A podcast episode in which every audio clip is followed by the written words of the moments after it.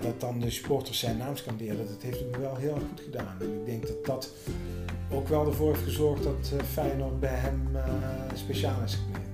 Dat ze hem hebben gesteund in die tijd eigenlijk.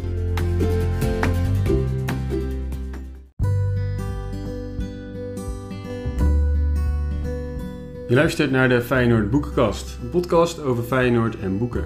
Mijn naam is Pieter Verkijk en in elke aflevering vraag ik een Feyenoorder naar zijn of haar favoriete boek.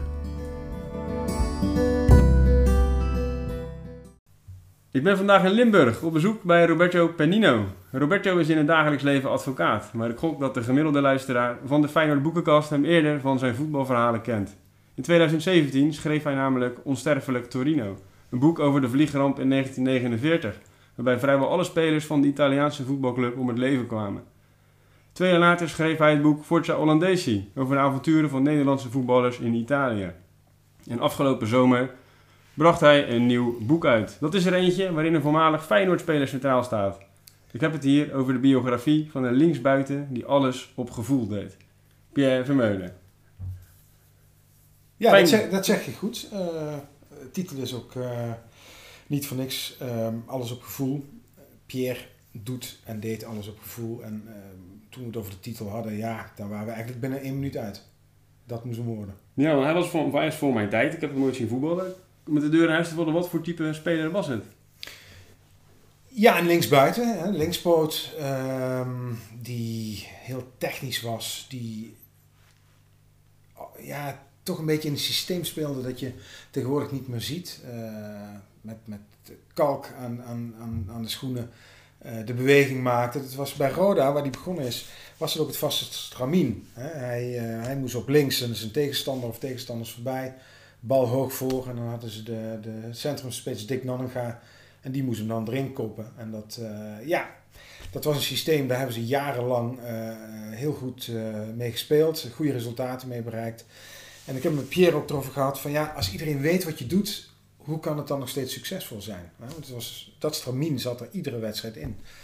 En dat is dan wel interessant. Hij vertelde ook van ja, het gaat niet om de beweging, het gaat om het moment. En, en daarom is die titel ook zo uh, treffend, denk ik, voor Pierre. Hij zegt, ik wist soms zelfs niet wanneer ik de beweging maakte. Ik, ik zocht mijn tegenstander op, maar ging ik nou buitenom, ging ik nou uh, binnendoor, welk moment... Uh, was voor hem dus zelf een verrassing. Dat vond ik wel mooi om te horen, ja.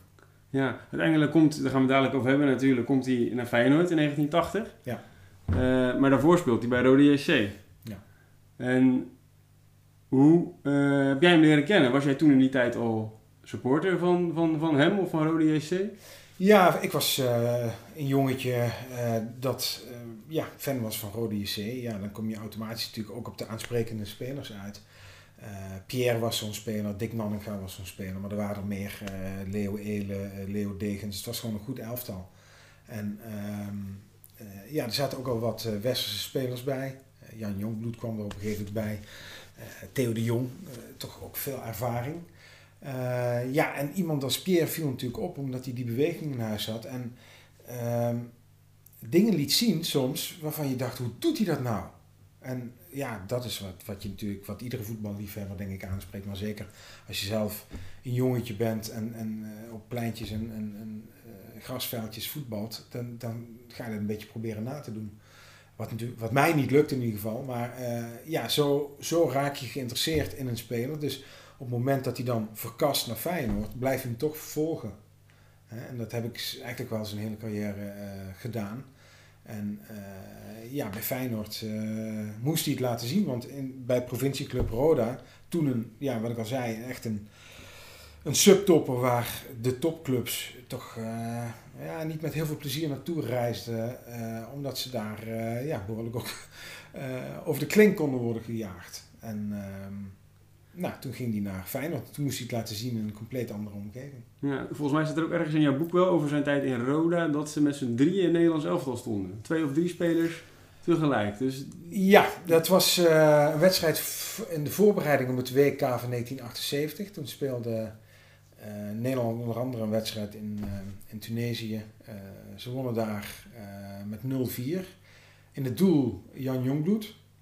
maar voorin had je dus Dick Nonnega, spits van Roda. Je had Pierre Vermeulen, linksbuiten van Roda. En je had Henk van Leeuwen, die de Feyenoord-fans ook wel zullen kennen. En die speelde toen niet meer voor Roda, maar die had wel voor Roda gespeeld. Dus ja, Pierre die vindt dat nog altijd een mooi verhaal. En ik ook dat je, als je kijkt waar Roda nu staat... en dat je dan realiseert dat in 1978 eigenlijk een complete Roda voorhoede... Uh, en ook voor de doelpunten zorgde, hè, want zij zorgden met z'n drieën voor die 4-0. Dus dat, ja, dat is eigenlijk in de clubhistorie is dat, uh, een uniek feit. Ja, nee, absoluut. Ik, ik, ik kan me niet voorstellen namelijk toen ik het las. Ik ken Rode JC helemaal niet zo op dat niveau. Ja. Afgelopen jaren. Maar hij gaat naar Feyenoord uiteindelijk, maar dat ging niet, dat ging niet van een leien dakje, die overgang. Nee, want er, speelde al van alles. Hij was een heel groot talent. Uh, werd in Nederland ook wel als zodanig uh, herkend en erkend. Dus grote clubs gaan er natuurlijk daar achteraan om te kijken uh, of ze naar binnen kunnen hengelen. En Ajax was daar de, ja, de eerste club in die, die echt serieus met hem ging praten. Trainer Ivic toen. Uh, nou, ze waren er eigenlijk min of meer uit. Maar het moest natuurlijk wel nog via Roda. Hè. De club moet natuurlijk altijd toestemming geven. zeker in die tijd, was een ander systeem. Um, en dat, ja, die overeenstemming kwam niet tussen Ajax en Feyenoord. En daar was hij wel teleurgesteld over, omdat hij, ja, hij wil natuurlijk, zoals iedere jonge speler, je wil je verbeteren. Hè. Tussen Ajax en Roda. Tussen Ajax en Roda, ja. ja. Nou, dat is uiteindelijk afgeketst en toen kwam Ajax nog een keer. Daar kreeg Feyenoord lucht van. Feyenoord was toen slagvaardiger en die hebben uh, Pierre binnengehaald. ja, dat vonden de Roda supporters natuurlijk niet leuk. Dat is nooit zo. Hè. Niemand staat te juichen als een van je beste spelers en idolen weggaat. Maar daar kwam nog iets anders bij, want het zou eigenlijk aan het begin van het seizoen 80-81 dan daadwerkelijk verkassen, zodat hij nog een paar maanden bij Roda zou spelen. Maar toen uh, kwam uh, de manager, Peter Stefan heette die geloof ik, die kwam met het plan om hem eerder te halen, zodat hij al, had hij becijferd, hij, hij dacht dat Pierre goed zou zijn voor, 100, of, pardon, voor 10.000 toeschouwers extra in de grote wedstrijden. En nou ja, daar had hij dan een bepaald gemiddelde van wat kost een kaartje. En dan zou die Roda, ik meen twee ton extra betalen, dat hij dan eerder zou komen. Maar Roda wilde dat helemaal niet, want die wilde gewoon op een rustige manier van hem afscheid nemen. Moest ook nog, ja, waren verwikkeld in Europees voetbal, de Europees voetbalstrijd. Dus die wilde dat helemaal niet. En daar is toen nog een hele rel over geweest. Daar is zelfs een kort geding over gevoerd. nou, uiteindelijk is Pierre blijven zitten waar hij zat en is hij na de zomer is hij dan uiteindelijk naar de Kuip gegaan. Ja, ja. zomer van 1980 is het ja. En hoe ziet de selectie er dan uit bij Feyenoord? Ik heb ongeveer een paar namen van. Ja, ik, ik heb nog even zitten kijken, want ik, ik ken natuurlijk de, de, de, hè, de bekende namen. Joop Hiele, uh, Stanley Bracht toen ook al, Ivan Nielsen, uh, Sjaak Troost, uh, Ben Wijnstekers. Maar ook een jonge Mario Been zat daarbij. Carlo de Leeuw, natuurlijk ook een bekende figuur in, in het Rotterdamse. Later ook materiaalman geworden. Ja. René Notte, maar ook de IJslander, die kan me nog heel goed herinneren. Ook Petur Petursson. Dat was zo'n zo'n tongbreker. Een goede, goede speler. Uh, ja, Jan van Dijnsen, Wim van Til. Het, het was een, uh, zoals Ben Wijnsekers dat ook voor het boek uh, aangeeft, het was een uh, behoorlijk Rotterdamse selectie. veel jongens uit, uit, ja, uit de eigen streek, uit, uit Rotterdam en omstreken. En daar kwam Pierre als timide Limburger dan tussen te voetballen. Hoe was dat voor hem? Ja, dat is het, ehm, het, het, het, grappige aan Pierre. Hij is buiten het veld ontzettend timide. Dat zegt ook iedereen die met hem heeft gewerkt en gespeeld. Maar in het veld, bij trainingen, heeft hij dat dus helemaal niet. Hij zocht ook daar, bij Feyenoord, meteen tegenstanders op. Meteen zijn acties maken. En ja, zoals het werkt in het voetbal, denk ik, uh, op het moment je kunt uh, extrovert zijn, introvert zijn. Maar als jij niet presteert, heb je een probleem. En als je wel presteert, dan, dan ben je gewoon geaccepteerd. En hij is vrij snel geaccepteerd in die, uh, in die spelersgroep. Hij speelde ook gewoon ja. uh, zijn wedstrijden mee? Ja hoor, ja. ja. Hij uh, heeft niet een tijd gehad dat hij op de bank zat en moest toekijken. Hij was gewoon meteen basisklant. Waren de wedstrijden dat eerste seizoen hij zich in het bijzonder herinnert? Ja, zijn, zijn debuut is natuurlijk een, een mooi moment, maar zijn belangrijkste moment is de eerste klassieker die hij die, uh, die, die meemaakte. Die uh, 3-1 in de sneeuw. ook bekend, als je de beelden van die wedstrijd ziet, dat is ook mooi. Ajax speelt in een atypisch groen outfit. Feyenoord in de Kuip, sneeuw, oranje bal. Wim Jansen die voor Ajax uitkomt voor het eerst in de Kuip. Uh, Cruijff die als adviseur van Beenhakker langs de kant van, uh, van het veld zit. Uh, die ijsbal die Jansen tegen zijn knar aankrijgt. En ja, waardoor hij op een gegeven moment ook moet uitvallen. En Pierre die scoort. En, en hij vertelde ook dat hij toen hij toen in die tunnel stond en al die mensen hoorde. Want ja, zoals jij wel zult weten en alle Feyenoord-fans natuurlijk ook, op het moment dat Ajax op bezoek komt, dan is uh, de sfeer natuurlijk net, net nog groter, beter, mooier. En uh, ja, daar kreeg hij kippenvel van. En hij is, hij is een vrij nuchtere jongen, een nuchtere man nu, maar dat, dat, dat heeft hem wel, ja, daar heeft hij het wel over nog steeds. Ja. Ja, grappig, want die wedstrijd is bij heel veel mensen bekend inderdaad. Ja. vanwege de eerdere redenen die je noemde. Ja vond het leuk om te lezen dat het ja, ook bij hem zo'n indruk heeft gemaakt. Ja, en dat hij scoorde natuurlijk. Hè. Hij uh, maakte een doelpunt. Ja, en, en, dat, dat was voor hem...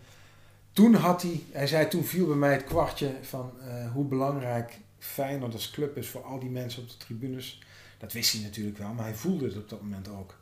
En uh, ja, dat, ik denk dat daar vandaan komt dat Feyenoord ook wel in zijn hart is gekomen en gebleven. Ja, want dat, dat vond ik sowieso bijzonder om te lezen. Maar dat komen we straks nog op. Want in de jaren daarna gaat het niet altijd even goed eh, met Vermeulen bij Feyenoord. Nee. Maar in dat eerste seizoen, het was voor mijn tijd zoals ik al zei, maar ik wist niet dat Feyenoord toen de halve finale van een Europa Cup heeft gespeeld. Ja. En Vermeulen was er ook gewoon bij. Vermeulen was erbij. Uh, ja, ik heb die wedstrijd uh, uit tegen Dynamo Tbilisi uh, heb ik gezien. zoals denk ik iedereen van mijn generatie die gezien heeft, of je nou Feyenoord-fan was of niet. Er was in die tijd natuurlijk heel weinig live voetbal tv.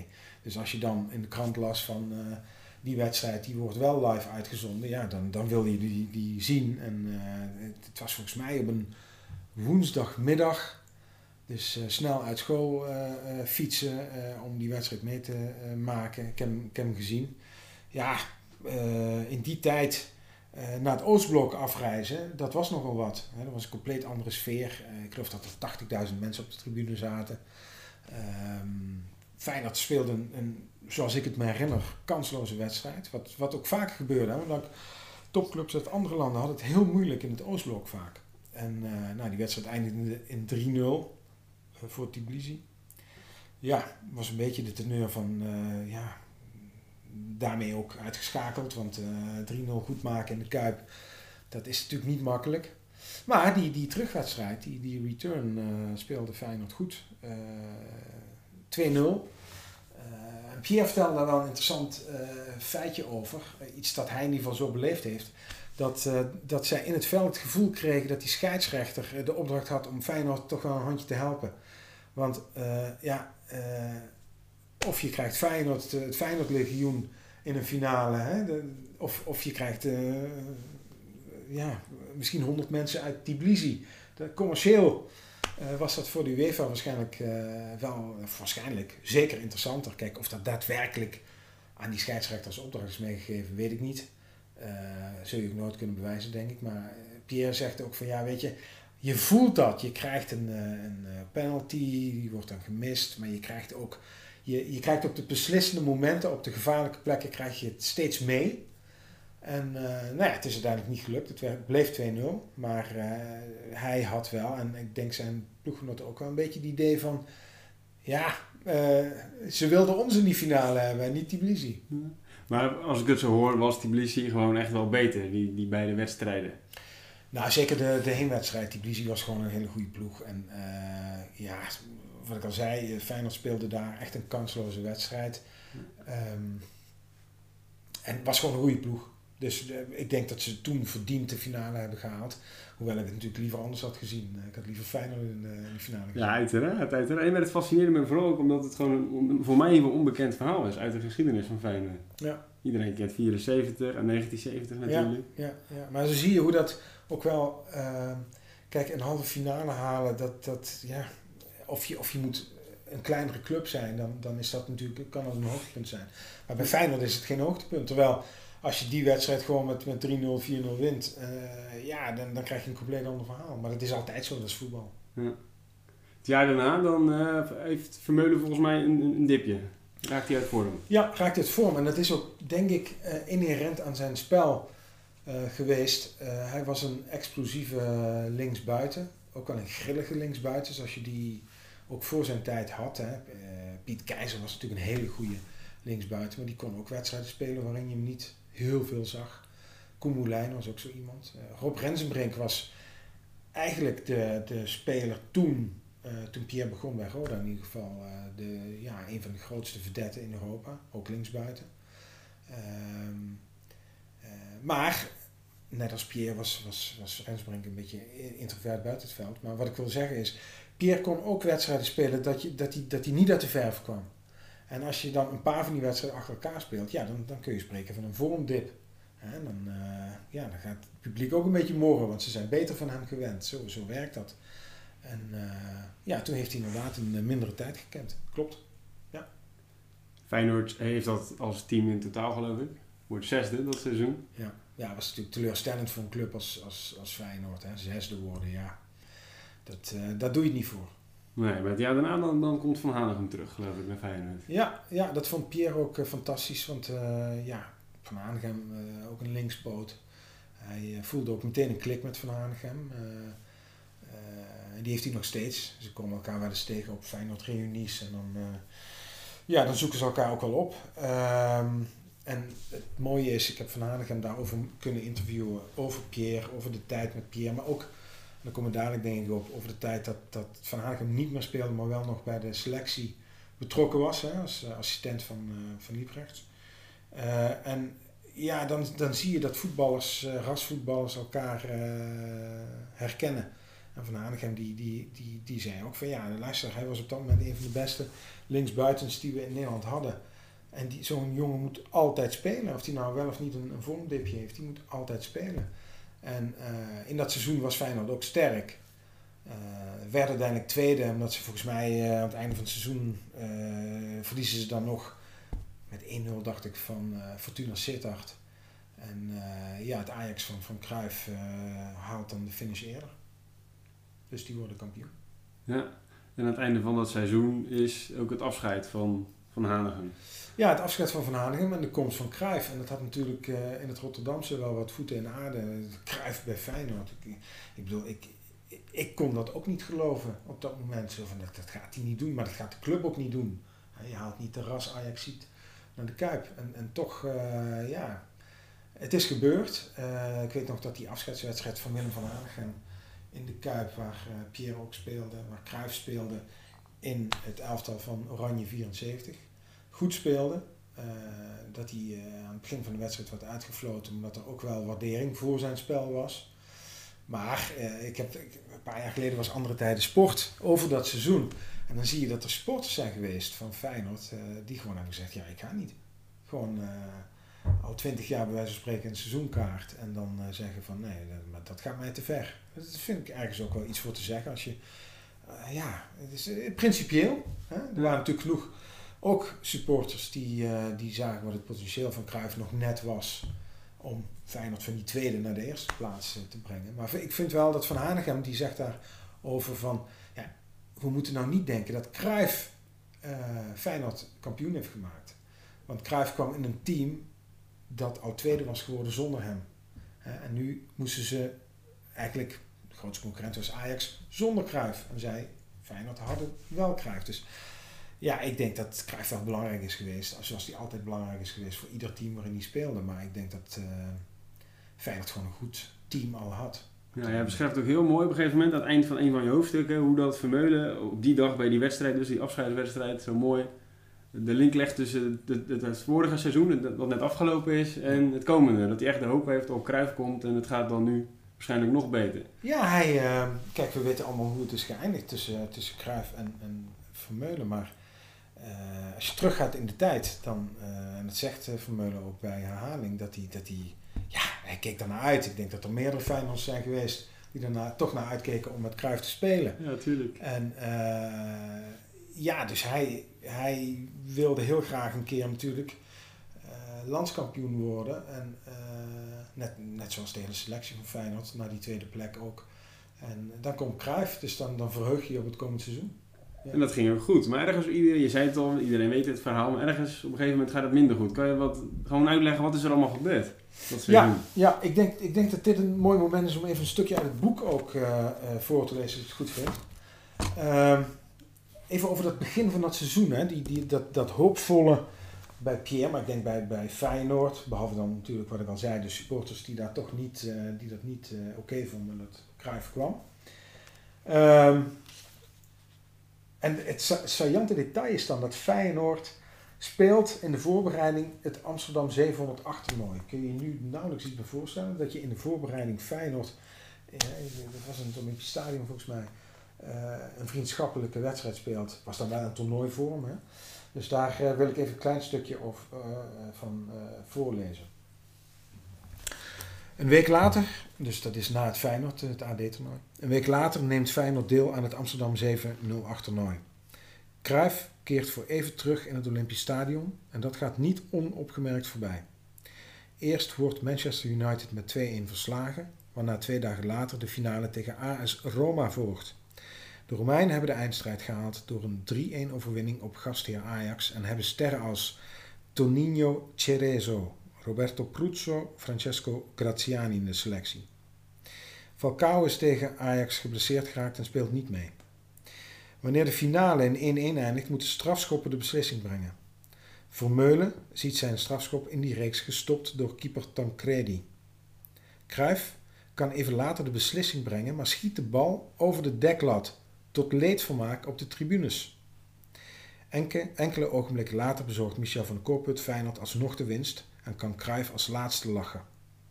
Na afloop torsen twee mannen samen een grote bokaal. Ze mogen allebei een strafschop hebben gemist, het mag de pret niet drukken. Alsof het een KNVB-beker betreft, poseren ze in hun badjassen gebroedelijk naast elkaar voor de pers. Het duo Vermeulen-Kruif lijkt klaar voor een succesvol seizoen samen. En dat is precies zoals hij dat zich ook kan herinneren. Dat was gewoon iets heel positiefs in de selectie van wij gaan kampioen worden. Dat, dat, was een heel sterk gevoel.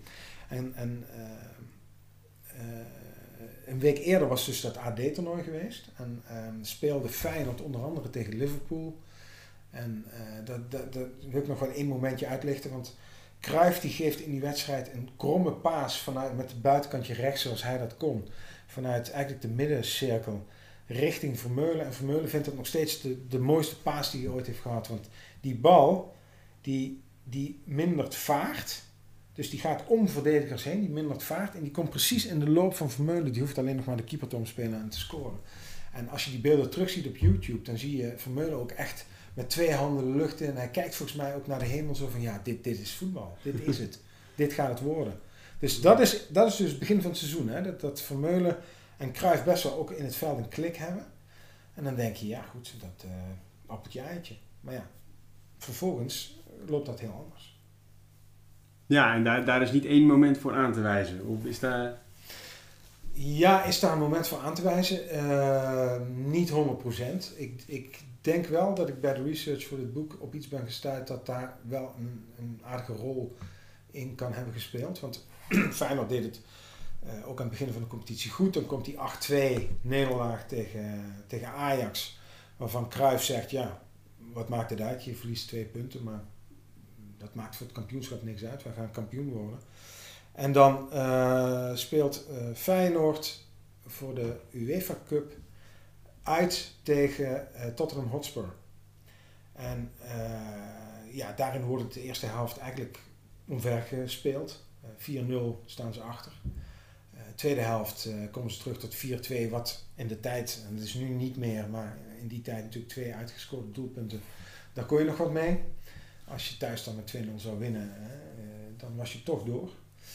En uh, Vermeulen geeft na die wedstrijd een interview in het Limburgs Dagblad, waarin hij een uitspraak doet over die wedstrijd, maar vooral ook over Cruijff. En zegt dat Cruijff alle hoeken van het veld heeft gezien. Daar heeft hij op zich ook gelijk in. Ik heb die wedstrijd gezien. Cruijff moest tegen Hollel En het was toen ja, een technisch begaafde speler, maar ook heel snel. Uh, Tottenham Hotspur speelde heel druk, met, met grote druk voetbal. Ja, en Cruijff was natuurlijk wel 36 jaar. Dus die, die, die kon dat niet bijbenen. Maar het, is iets anders om dat zo te zeggen in de pers. Dus ik heb Pierre daar ook mee geconfronteerd in de zin van, nou, dit heb ik gevonden, kun je dat herinneren? En toen zei hij, nee, ik kan me niet herinneren. Uh, maar toen zijn we daarover verder gaan. Toen zei hij, ja, het kan natuurlijk wel zijn dat als Cruijff zoiets leest, dat, daar maak je geen vrienden mee. Uh, Cruijff was een fantastische voetballer.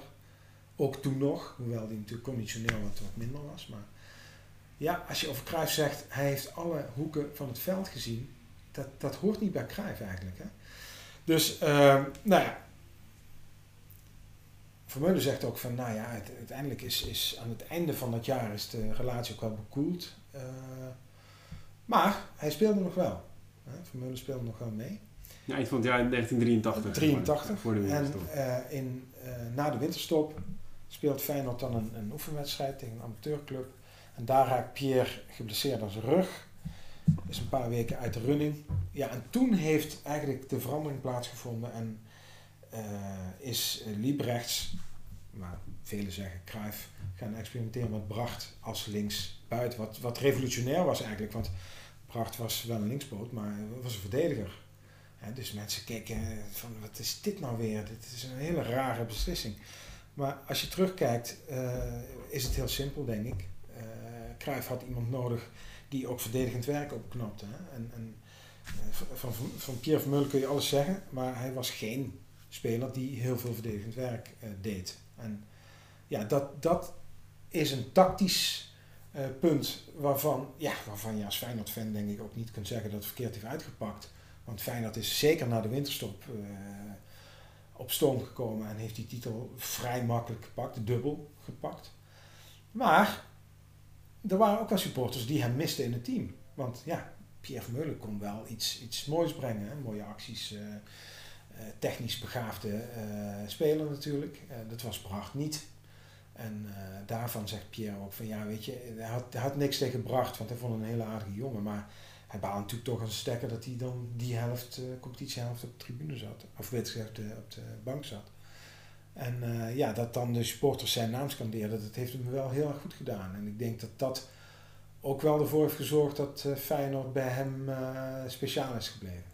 Dat ze hem hebben gesteund in die tijd eigenlijk. Ja, ja dat komt dan echt door de supporters. Want jij schrijft ook in je boek dat, dat Thijs Lieberrecht, de trainer dus, op een gegeven moment voor Vermeulen een ontslag vergunning aan gaat vragen. Ja.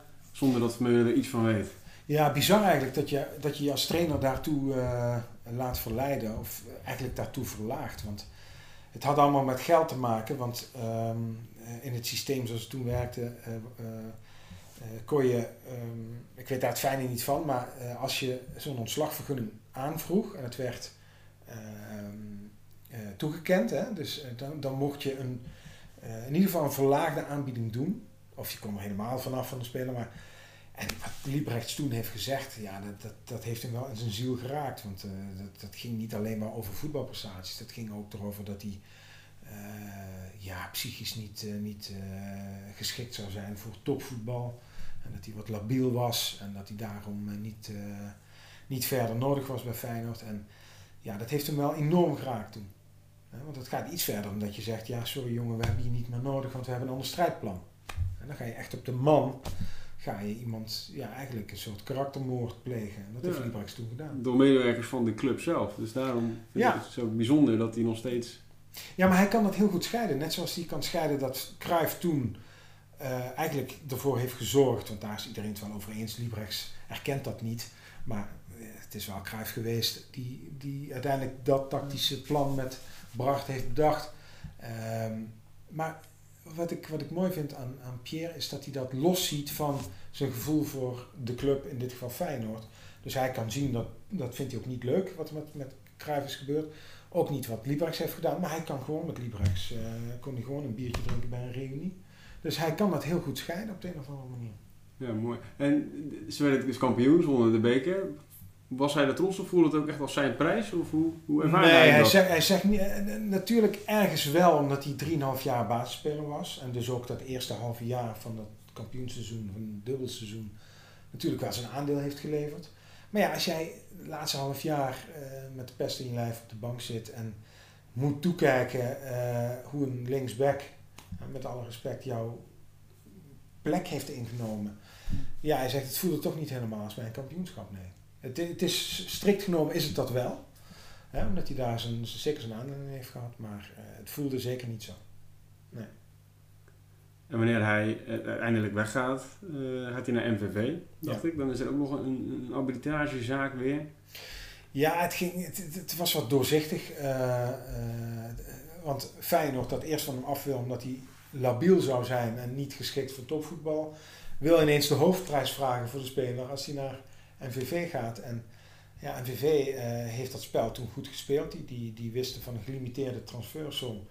Uh, op basis weer van, dat, uh, van die ontslagaanvraag. Dus dat was eigenlijk een soort juridisch steekspel op dat moment. en dat heeft MVV gewonnen. want ja, er was een maximum voor een speler die, waarvan je af wil. En ja, toen dacht ik als Vermeulenvolger en met mij heel veel mensen denk ik dat dat het begin zou zijn van uh, ja, gewoon rustiger aan. Uh, misschien nog een keer terug naar Roda, dat hoopten wij natuurlijk hier. Maar niet meer naar een topclub. En dat was wel wat, wat eigenlijk hem voorspeld was. Toen hij begon bij Roda was hij echt een supertalent. Nou, uiteindelijk komt hij bij Feyenoord eigenlijk later dan gedacht, want mensen, hij heeft nog tot 80 bij Roda gespeeld. Uh, en dan denk je, nou oké, Feyenoord. En dan ga je naar een buitenlandse topclub.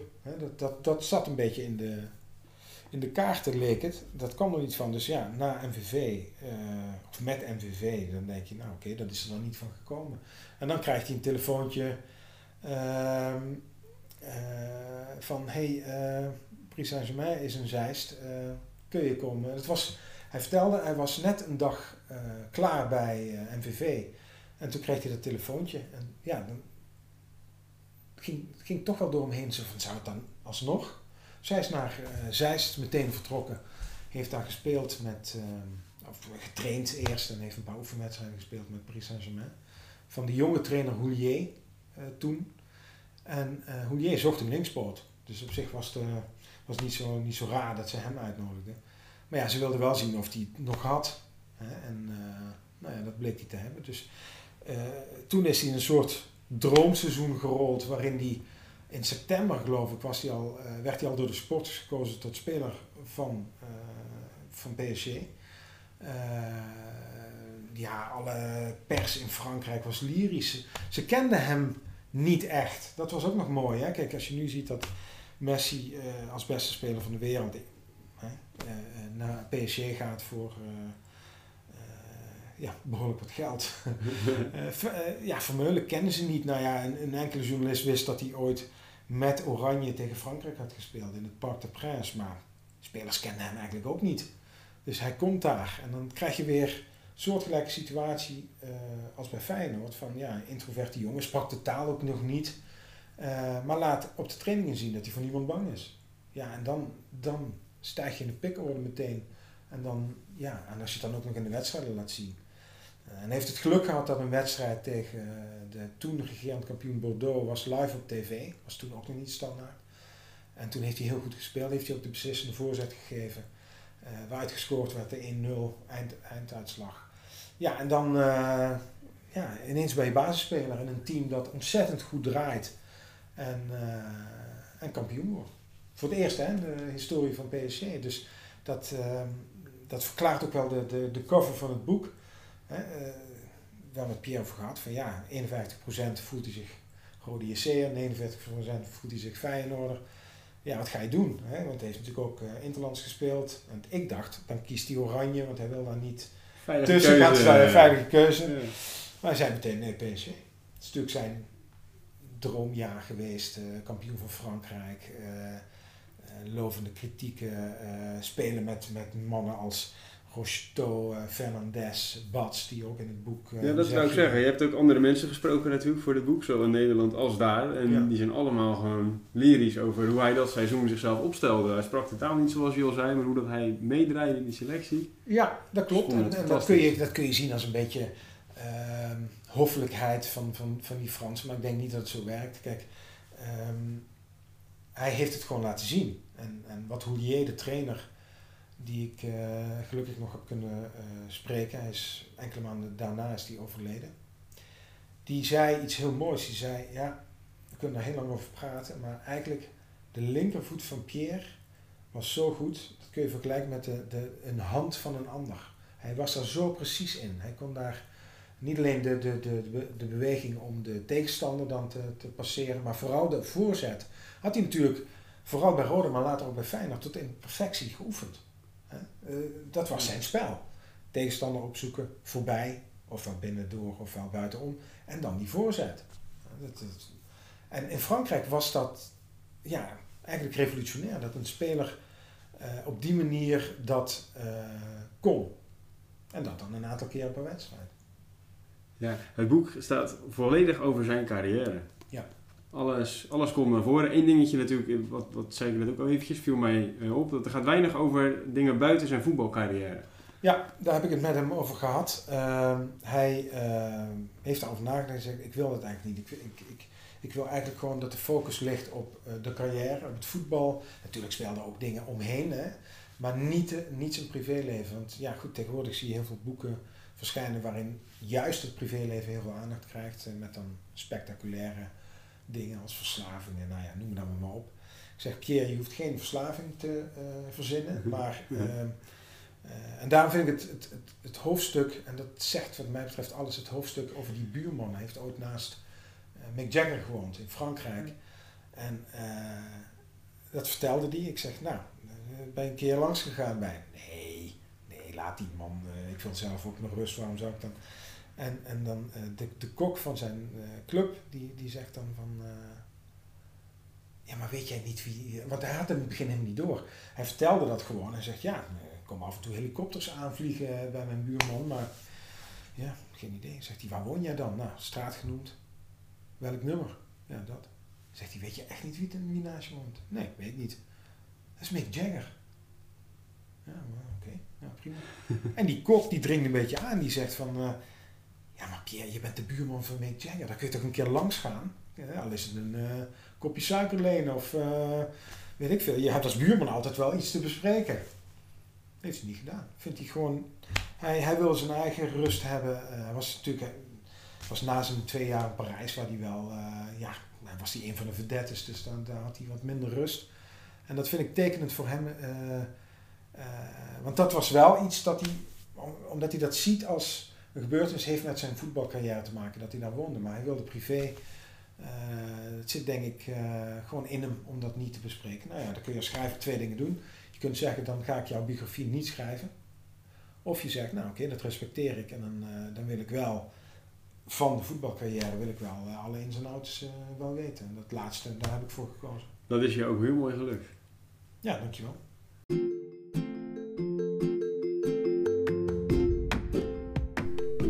Zo, dat was hem alweer. Ik hoop dat je het een leuke aflevering vond. Wil je meer luisteren of wil je zelf iets voorlezen? Ga naar feyenoordboekenkast.nl en meld je aan.